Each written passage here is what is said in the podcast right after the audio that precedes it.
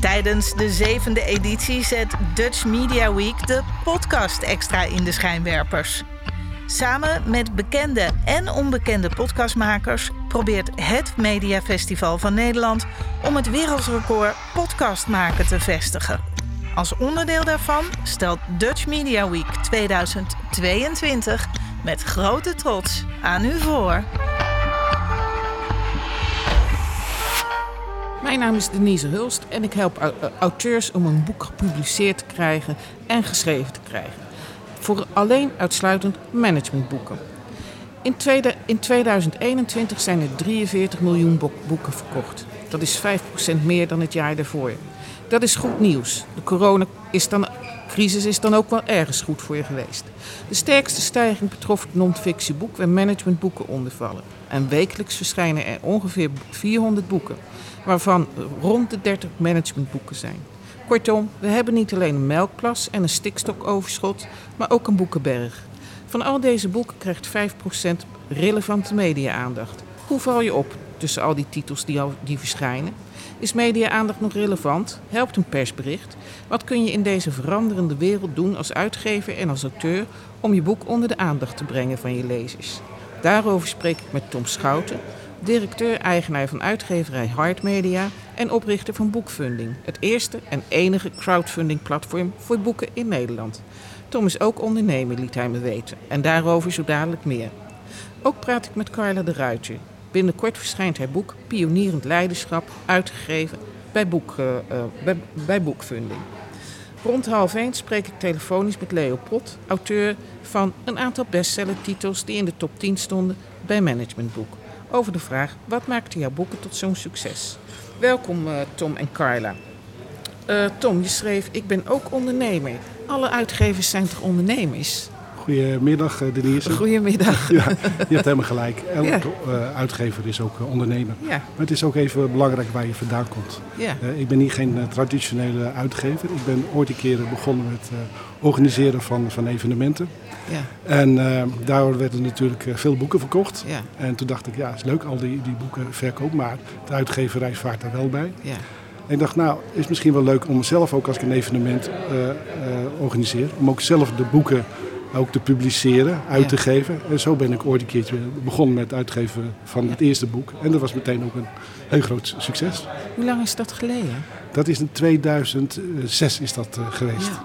Ja. Er is natuurlijk ondertussen veel veranderd in uh, boekenland. Uh, en ook door de opkomst van internet en internetboekhandels.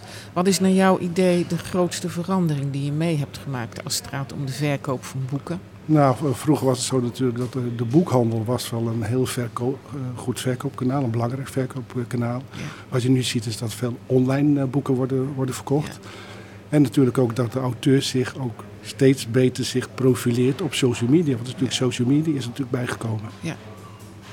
Hey, en uh, uh, als wij over boekmarketing praten, dan hebben de meeste mensen daar wel een, een vaag beeld bij. Hè? Auteurs ook die hun uh, debuteurende auteurs die dat nog nooit eerder hebben gedaan.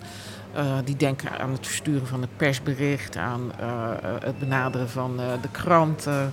En dat is het dan wel zo'n beetje. Maar volgens mij is boekmarketing A 2022 toch een heel ander verhaal. Dat, dat, dat, klopt helemaal. Het is, De wereld is veranderd. En het is natuurlijk ook zo dat heel veel mensen die graag een boek willen schrijven en uit willen brengen. En dan is het ook wel even de vraag, waarom wil je eigenlijk een boek uit, uitgeven? En, um, en toen de tijd dacht ik vanaf een paar jaar geleden van ja, het zou het ook op een andere manier kunnen. En dat zou je bijvoorbeeld wel via het crowdfunding platform kunnen doen, uh, boekfunding. Omdat je eerst, belangrijk is, is een fanbase te bouwen. Naast de financiering van het maken van een boek is het bouwen aan een fanbase. En zo'n fanbase is uitermate belangrijk, omdat het ook jouw ambassadeurs zijn om je boodschappen verder te brengen. Ja, klopt. Hey, en um, betekent dat dan wel eens in de praktijk dat jij uh, auteurs die bij jou aankloppen uh, weigert? Ja, dat klopt. En dat komt omdat wij een, een bepaalde checklist eerst uh, sturen aan de auteur. En daar staat iets over het boek in. Hè, ja. Van, is het een boek met een bepaalde boodschap? Hoe uniek is het? En natuurlijk ook vragen rondom de, uh, de crowdfunding actie. Van hoe is je netwerk? Post je veel op, uh, op social media? Heb je een eigen website? Uh, ben je ervan bewust dat je echt op de bühne moet staan? Vind je dat leuk om te doen? Ja. en vaak krijg je ook nogal van, oh, dat vind ik niet zo leuk. En dan moet je ook wel afvragen, heeft het dan wel zin om een boek uit te geven? Ja. Carla, ik kijk even naar jou. Uh, jij zit in het laatste stuk van het uh, schrijven van je boek. Binnenkort uh, komt het op de markt. Je hebt ervoor gekozen om dat via boekfunding te doen. Wat zijn je overwegingen geweest om dat op deze manier uit te geven? Um, mijn overwegingen. Ik um, ben zo'n tien jaar geleden al bij Tom aan gaan kloppen van wil jij mijn boek uitgeven? En toen had ik alleen maar een achterflap. Tien jaar geleden? Tien jaar geleden al. Oh, ja, dus ik loop al heel lang met dat idee. En toen zei hij meteen ja, en dat vond ik al heel bijzonder. Want ik dacht, nou, ik begin ergens. En, uh, maar dat was gewoon, het, ik was, we waren in gesprek om iets heel anders. En dit kwam ineens ter sprake. Dat, het ging eigenlijk heel, nou ja, toevallig, hè? Ja. Um, en gaandeweg, ik heb Tom wel gevolgd, maar het boek is blijven liggen, het schrijven ervan. En dat was eigenlijk ook wel een interessant uh, verhaal. Want de ondertitel van mijn boek, Pionier het Leiderschap, een bevrijdend perspectief voor een wereld in transitie, was destijds, als ik daarover begon, tien jaar geleden, helemaal niet aan de orde. Mensen dachten, waar heb je het over? En op een of andere manier kwam ik dus niet verder in het schrijven. Ik had één of twee hoofdstukjes af.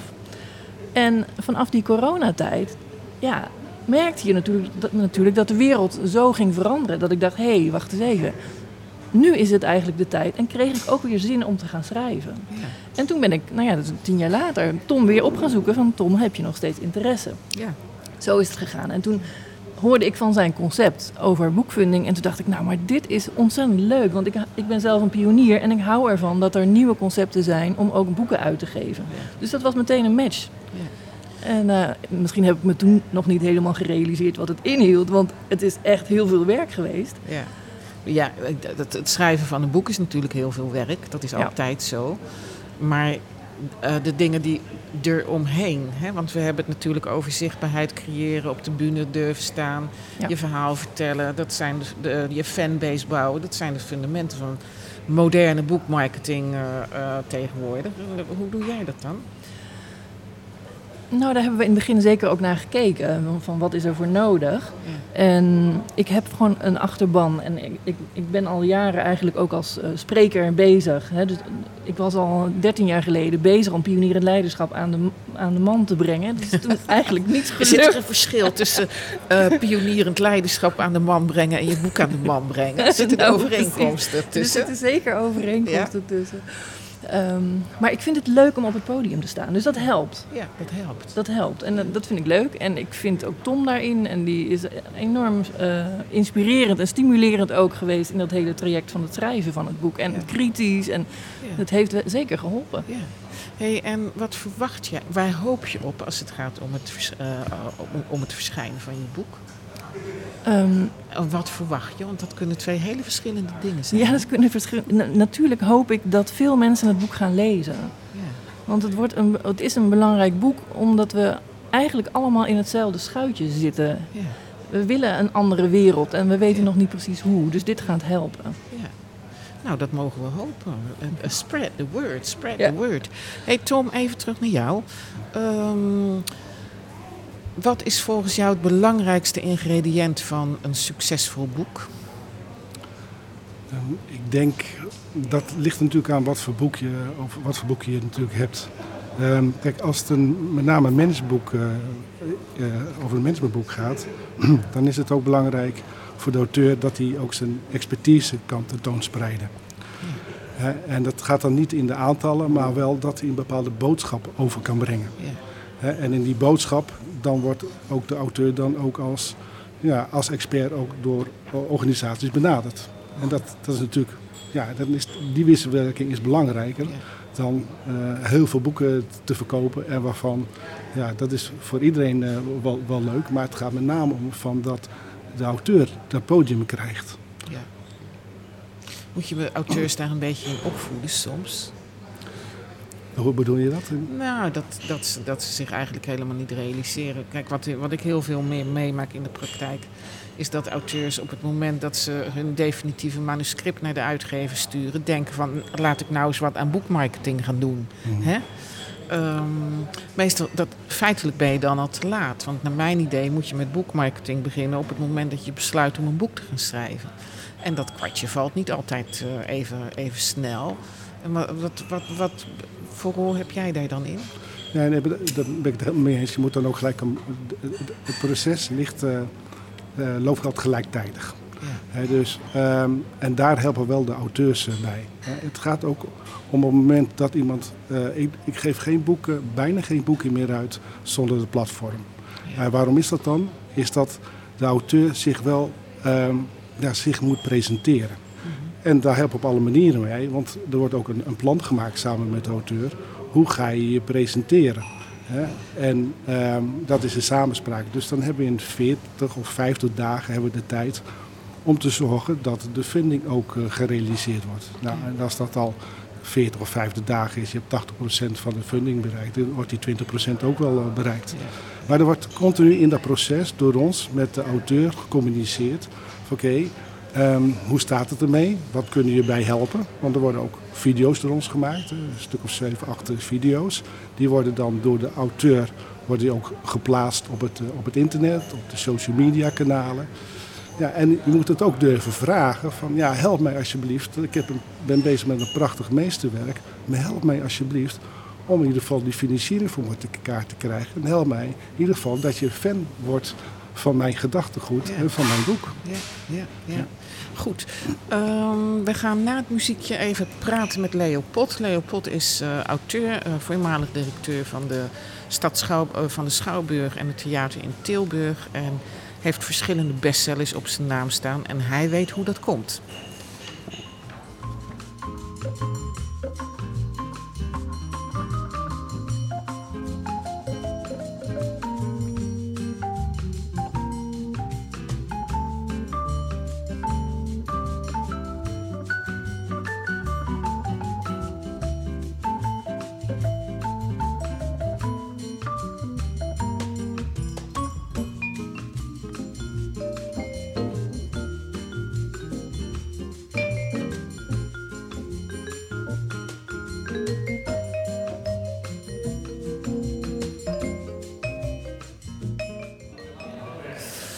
Mijn naam is Denise Hulst en ik spreek met Leo Pot over uh, boekmarketing en wat zijn boeken tot een succes uh, maakt. Uh, goedemiddag Leo, leuk dat ik je spreek.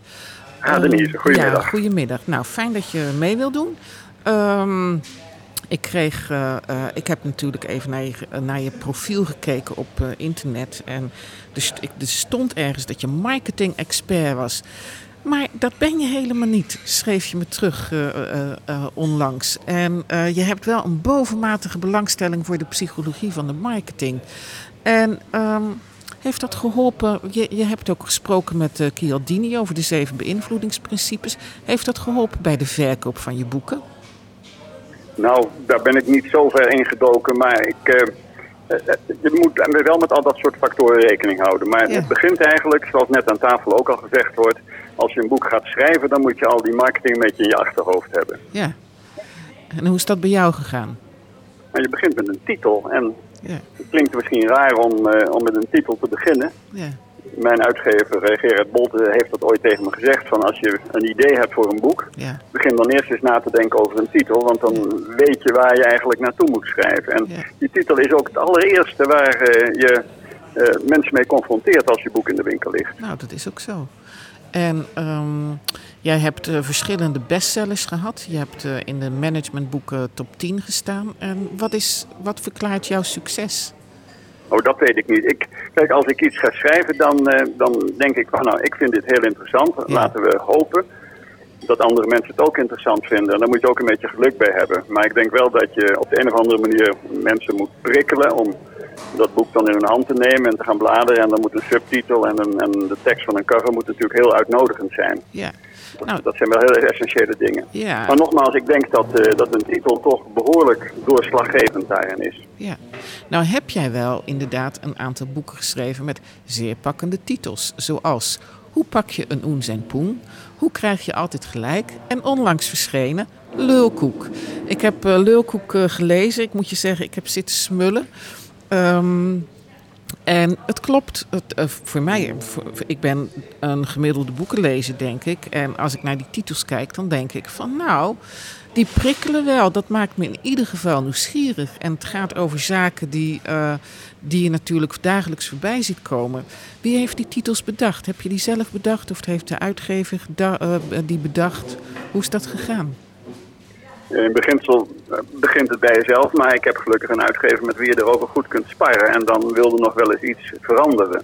Ja. Maar uh, je, je, moet inderdaad zelf uh, een idee hebben. En overigens, dat, dat je een onze poen, dat was, was echt heel doordacht hoor. Er zat rijm in. En rijm, dat is uh, een geweldig iets. Hè? Ja. Eén keer Oost-West Oost thuis best gehoord en je ja. vergeet het nooit meer. Ja, ja, en en ook, ook boeken als, als The Cat in the Hat of Night Flight, dat zijn ook allemaal van die titels die, die altijd bijblijven. Dus rijm was daar heel belangrijk in.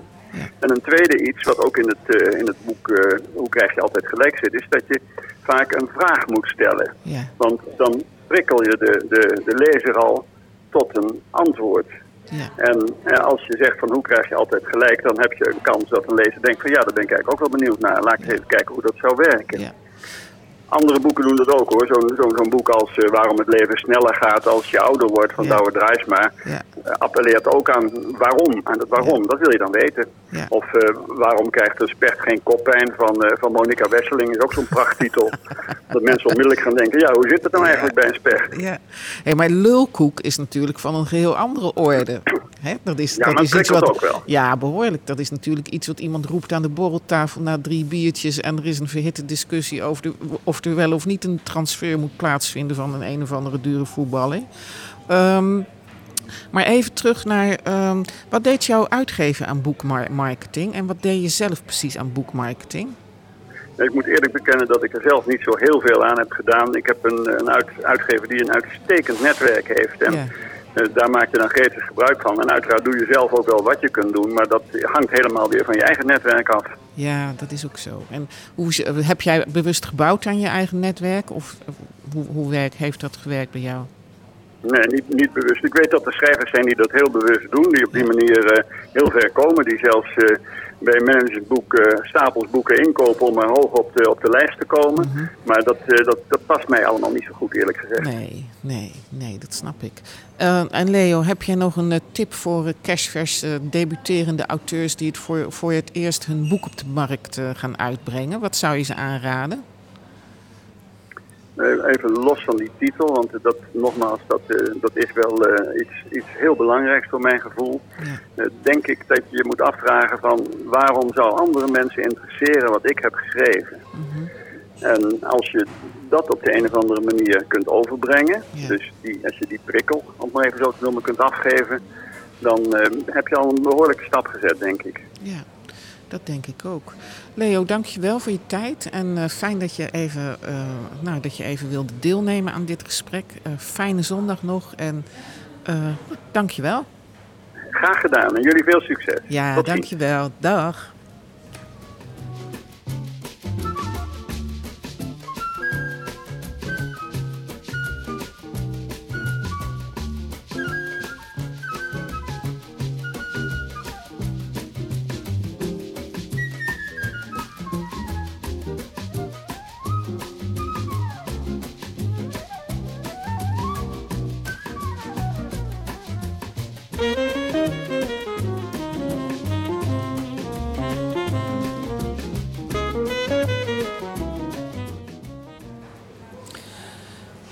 Denise Hulst en vandaag praat ik met uh, Tom Scholte, uitgever uh, bij Hart Media Groep en directeur uh, en oprichter van Boekfunding over boekmarketing en met Carla de Ruiter, auteur van het boek Pionierend Leiderschap dat binnenkort verschijnt.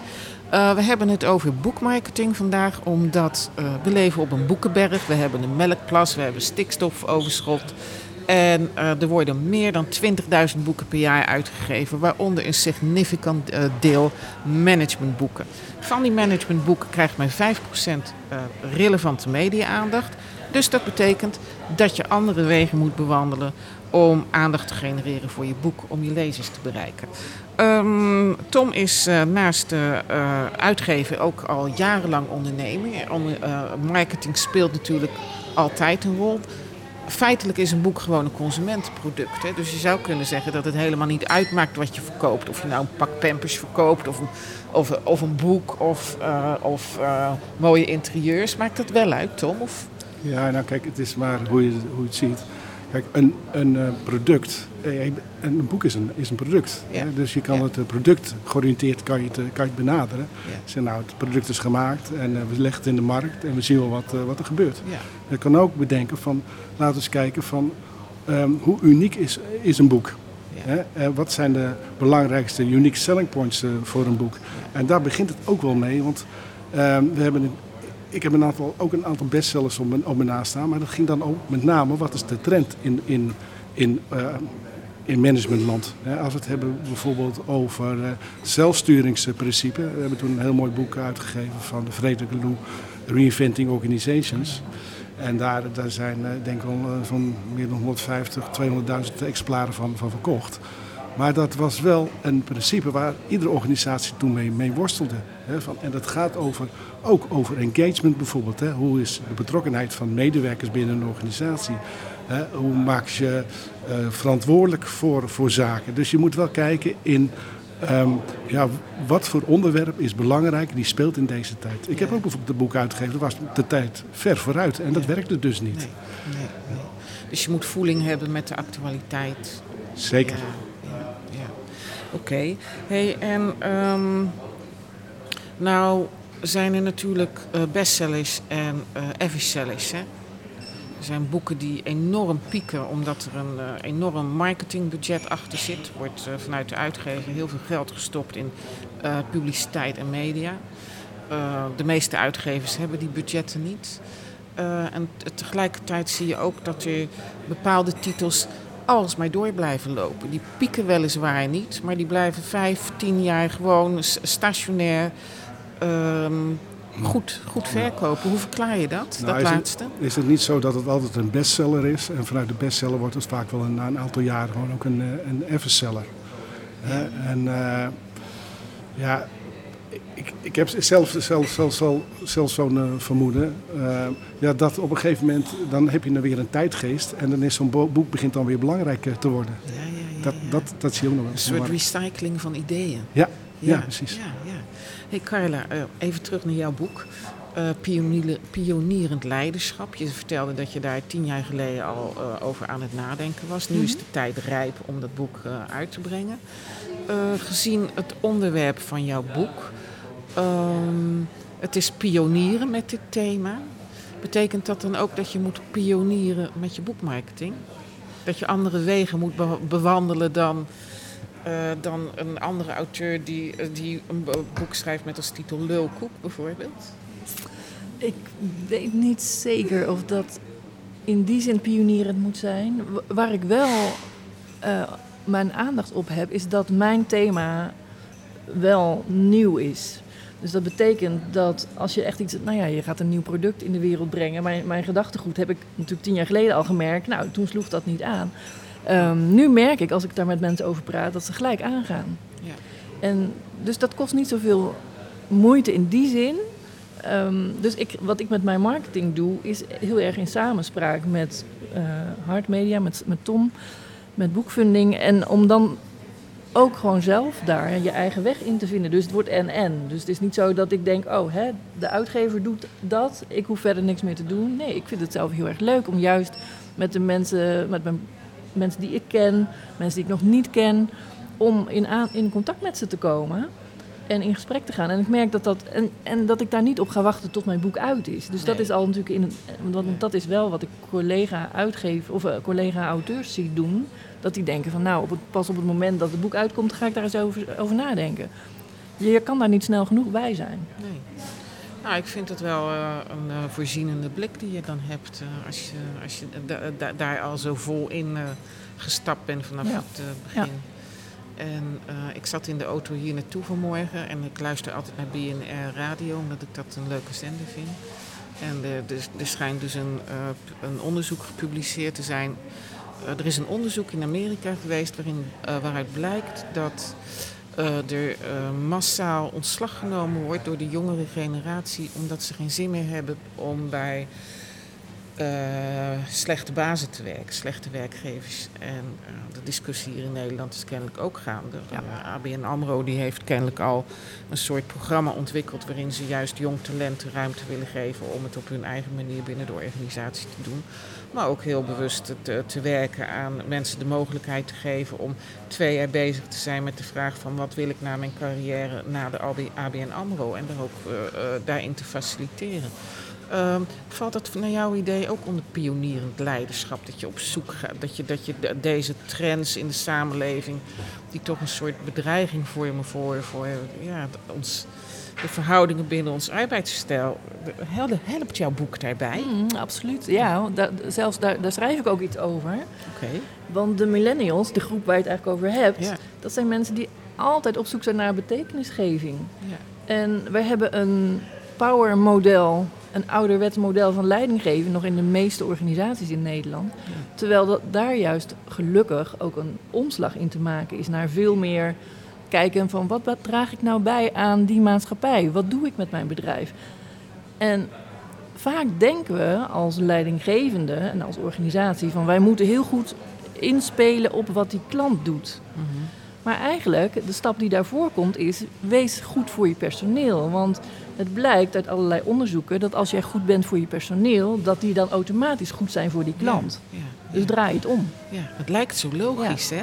Ja. ja. Ja, maar kennelijk is dat niet zo. Nee, ga bij jezelf maar na. Als je voor een baas gewerkt hebt, hoe goed was die voor jou? Mensen gaan weg omdat die baas niet goed voor jou is. Ja, dat klopt. Dat heb ik ook gedaan ooit. Ja. En toen ben ik voor mezelf begonnen. Ik dacht, ik kan het zelf beter. Nou, ik was voor mezelf een hele slechte werkgever. Dat kan ook nog een keertje zo gebeuren, hè?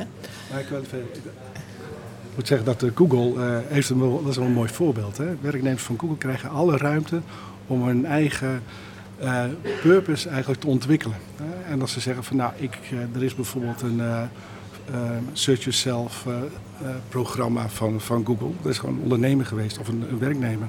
Die willen graag pionieren, die weer, willen graag ondernemen. Ja. En die heeft dus een programma gestart bij Google. En dat is zo succesvol gebleven, dat, gebleken dat gewoon Google daar in zijn programma heeft ook geïnvesteerd. Ja. en, en daar vaart Google zelf ook bij, maar ook het programma ja. uh, Search Yourself Leadership Program. Ja. Ik geloof trouwens wel dat Google een van de weinige grote werkgevers in uh, Amerika is die uh, vindt dat zijn medewerkers weer terug naar het kantoor moeten, hè, na de coronacrisis. Dus ja, kennelijk hebben ze toch ook last van een soort doorgeschoten ja, ik weet het niet. Soms, dat gaat altijd met golfbewegingen volgens het gaat mij. Altijd met golfbewegingen, ja, het gaat altijd met golfbewegingen. Ehm, Tom, nou ben jij heel actief in het begeleiden van auteurs als het gaat om uh, hun, uh, het creëren van zichtbaarheid. Wat zijn er jou, um, toen je vroeger, toen je startte met een uitgeverij, wat was toen jouw voornaamste rol als het gaat om boekpromotie? En hoe is dat verschoven? Nou, kijk, het, we doen nog steeds bij, uh, bij Hard Media doen we de traditionele uh, marketing. Dus het verzenden van, eh, van, je, van je nieuwsbrieven, op social media posten. het is grappig dat jij zegt dat zijn traditionele dingen. Voor heel veel uitgevers is dat nog. Ja. begint dat een beetje te komen? Of sommige uitgevers vinden nog steeds dat dat primair een verantwoordelijkheid van de, van de auteur zelf is. Dus maar eh, wij proberen nu hè, met boekfunding dat hele marketingstuk naar voren te trekken. Ja. En iedereen van ja, ik moet nog wel heel vaak uitleggen wat dat nou precies is. Ja. Maar als de auteur er eenmaal is begonnen, dan krijgt hij zoveel positieve reacties van al die mensen. Van die, oh heb jij een boek geschreven of ga je een boek schrijven? Ik wil graag jou helpen. Nou, en dan krijg je ook allemaal commentaar van nou, het, is, het is fantastisch wat je doet en laat me weten wanneer het uitkomt. En het mooie daarvan is, is op het moment dat die funding is afgelopen En de mensen die krijgen het boek. Die krijgen in één keer 150, 100 mensen krijgen een boek. Over, en, die en dan ontploft gewoon social media. Kijk, ik heb een boek gekregen, van, uh, dat is nu uitgekomen. Ik heb eraan meegeholpen. Want in het proces, hè, je fanbase is belangrijk. Je kunt ook keuzes maken in bijvoorbeeld welke cover is nou mooier. Of welke tekst is mooier, hè? Dus qua, qua vormgeving. Ja. dus je, neemt ze, je betrekt ze tijdens het hele proces. Ja. En dat zijn je beste ambassadeurs. Ja. Je maakt ze mede-eigenaar feitelijk. Je maakt ze mede-eigenaar. Ja. Ja. Ja. En natuurlijk doe je daarna ga je gewoon wel de traditionele uh, dingen doen die natuurlijk uh, uitgevers ook, ook hebben. Ja. Hey, nou, nou zie je natuurlijk een aantal, uh, tenminste de afgelopen paar jaar heb ik behoorlijk wat online business coaches voorbij zien komen die een eigen boek hebben geschreven. Uit Jan van Erkel is de een. En, nou, noem nog maar een, aantal op. Uh, wij, de, die, die, die dat marketingstuk ook echt in, hun vingers hebben, maar dat je gewoon aan alle kanten merkt dat het gewoon een truc is om mensen uh, in de benen te krijgen. Dat ik het gevoel krijg van het hart het hart is eruit, de ziel is eruit. Het, het is, wordt een verkooptruc. Uh, ik, ik, nou ja, snap je een beetje wat ik bedoel? Ja, een verkooptruc, dat weet ik niet. Maar wat voor mij is wel belangrijk, hè, en dan kijk ik ook het boek van Van Carla. Ik vind, in dat boek lees je ook heel veel persoonlijke verhalen. Daar zit het, de ziel zit al in het boek zelf. Ja, nou, ik bedoel meer het, het, het, het, het feit dat je zo je, uh, dit als marketingstrategie, dan heb ik het niet over jou, maar die, die online business gurus die hun boek zo um, precies op die manier in de wereld zetten en daar aandacht genereren zoals jij omschrijft, dat ik het gevoel heb dat het, dat het gewoon een hele zakelijke hoofdbeslissing is om het zo te doen. Terwijl ik denk, je kan het volgens mij nooit echt goed doen op het moment dat het zo zoiets functioneels wordt. Je moet wel heel erg volgens mij in je eigen boek geloven en heel erg in je, uh, ja, je verbonden voelen met je eigen boek en de inhoud. Om dat met hart en ziel oprecht en integer te kunnen doen. Ja, maar dat is ook, die verbinding moet er wel zijn. Als je het alleen maar als, uh, als sales gebruikt, alleen bij verkoop, dan, ja, ik vraag me af, ja, het werkt. Hè, maar de verbinding met de boodschap die je overbrengt, ja die balans moet er wel zijn. En dat vind ik belangrijk voor een auteur, belangrijk voor het boek. Hè, zodat je, dat, dat, dat stuk moet echt ja, in balans zijn. Ja. Hey Carla, vind jij het nou, hoe vind je het nou om daar zo actief mee bezig te zijn? Want het is niet iets wat je af en toe even tien minuutjes op een dag tussen allerlei dingen door even doet, volgens mij. Nee, dat klopt. Ik heb er zelfs mijn, uh, een, opdracht uh, die ik had van 24 uur in de week, heb ik ervoor opgegeven. Zo. Waardoor ik nu eh, fulltime hiermee aan de slag kan gaan. En ik, vind dat, en ik miste dat echt. Want het, je moet je voorstellen dat je... Ik werkte dan drie dagen lang voor een opdrachtgever. En die drie dagen lang dacht ik elke keer... Er staat een soort raket klaar die gewoon gelanceerd wil worden. Ja. Ja. En dan denk je, elke keer doe je iets en eigenlijk wil ik iets anders doen. En dan klopt het niet. Ja. Dus voor mij was dat heel simpel om te zeggen, nou, ik ga gewoon nu de sprong wagen. Ik stop daarmee en ik ga daar gewoon mee bezig. Want het is net of je misschien wel een, een soort vergelijkbaar met een, een, een, een kind baren of iets dergelijks. Dat voelt toch wel als je kindje, hè, als je een boek schrijft. Absoluut, absoluut. Um, maar daar wil je ook met alle zorgvuldigheid en aandacht um, ervoor zijn. Dus het hoort er voor mij gewoon bij. Dus ik heb van de week een website gebouwd, een nieuwe. Uh, ja, dat soort dingen. Dus dan, je blijft daar toch mee bezig. Nou, ik vind het heel moedig hoor. Het is echt de dood of de gladiolen, hè? Alles of niets. Ja, Vol erin, hoppatee. Ja. nou ja, ik vind het heel moedig. Um, na het muziekje gaan we nog eens even kijken of we jullie nog een aantal tips hebben voor auteurs. Do's en don'ts. De tien grootste valkuilen. Het mogen er ook vijf zijn of 35. Maar vooral, wat moet je wel doen en wat moet je niet doen. Na het muziekje praten we verder.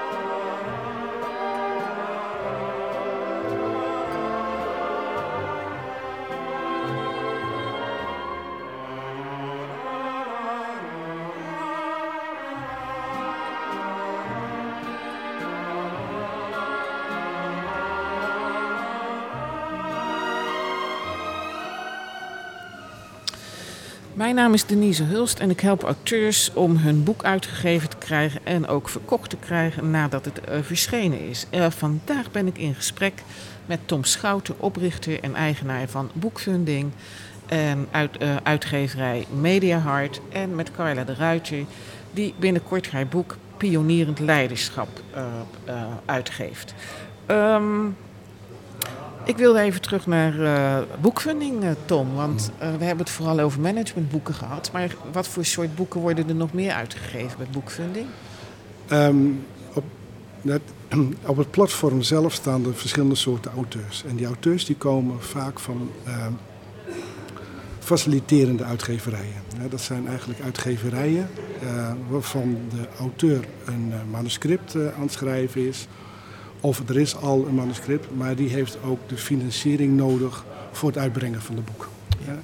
En um, we hebben een, uh, uh, onder andere met uh, Geert Kempen, die heeft London Books en Paris Books. Die heeft een aantal auteurs en die wil de funding voor elkaar krijgen. Ja. En die stuurt die naar, naar ons, naar, naar, naar, naar boekfunding. En uh, daarvan maken wij, nogmaals, hebben wij zo'n uh, zo'n uh, zo'n document ja. over het bereik van iemand. wat is een netwerk? En op basis daarvan doen we zelf een onderzoek en dan kijken we naar de haalbaarheid van het, van het project, van het crowdfund project. En als dat akkoord is en beide partijen, en we weten ook welke bedragen we op moeten halen, wat de kosten ermee zijn gemoeid, dan gaan we samen aan de slag om een uh, project, de, de, om het, de funding te realiseren. Ja. En dat zijn auteurs, eh, dat zijn auteurs in de, in de meer spirituele hoek. Het gaat over projecten van bewustwordingsprocessen. Het zijn projecten van iemand die een Engels anderstalig boek wil, in het Nederlands wil uit wil brengen. Omdat hij een bepaald idee heeft van, nou hier wil ik mijn, mijn leven verder inrichten. He, dus die, wil, die gaat dan eigenlijk zijn eigen fanbase ook, ook bouwen rond dat uh, gedachtegoed. He, dus dan gaan wij een boek dan, dan vertalen. Ja, dus er zijn, komen van verschillende uh, hoeken en gaten komen er eigenlijk mensen, op, mensen op af. Op boekfunding. Ja. ja en Hard Media Groep? Hard Media Groep die is eigenlijk een fonds wat zich richt op managementboeken. Ja. Maar ook maar niet de hard skills boeken, maar met name de soft skills en de deep skills. Daar ga je nog iets die, dieper. En we geven ook boeken uit over uh, persoonlijke, persoonlijke groei, bewustzijnsontwikkeling. En nou, we zijn nu ook bezig bijvoorbeeld met een boek dat gaat over storytelling. Een prachtig mooi boek, heel mooi met kleurenplaatjes, met, voorzien met QR-code, zodat je ook filmpjes en zo kunt, kunt zien. Dus ja, ja. leuk. Dus verschillend. Ja.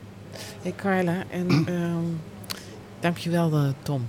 Uh, Carla, jij gaat de laatste ronde in, om het dan zo maar eens te zeggen. Barensweer, die uh, kondigen, kondigen zich al aan. Um, wat heb je allemaal gedaan in deze laatste fase, behalve de punten en de comma's en de zinnen en uh, of kijken of alles klopt?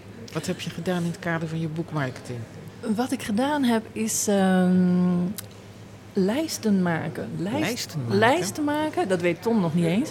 Oh. Van potentiële radioprogramma's waar ik, of tv-programma's of uh, vakbladen enzovoort enzovoort, waar ik denk dat mijn boek goed bij zou passen. Ja. En een aantal daarvan heb ik namelijk al een toezegging okay. gekregen. En dat, dat, dat komt makkelijk via mijn netwerk. Dus dat is uh, het eerste wat ik al sowieso gedaan heb. Yeah. En ja, dat vooral ook bijhouden, want je vergeet dingen ook wel heel erg snel in, ja. in de drukte die er is. Ja. Hey, en ben je ook te vinden op uh, internet? Ja, ik ben te vinden. Ik heb een website www.pionierendleiderschap.nl. Okay.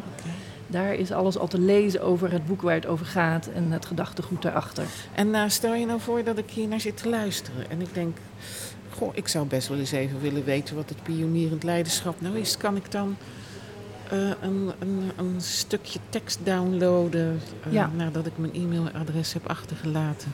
Ja, en uh, even een hoofdstukje lezen bij jou?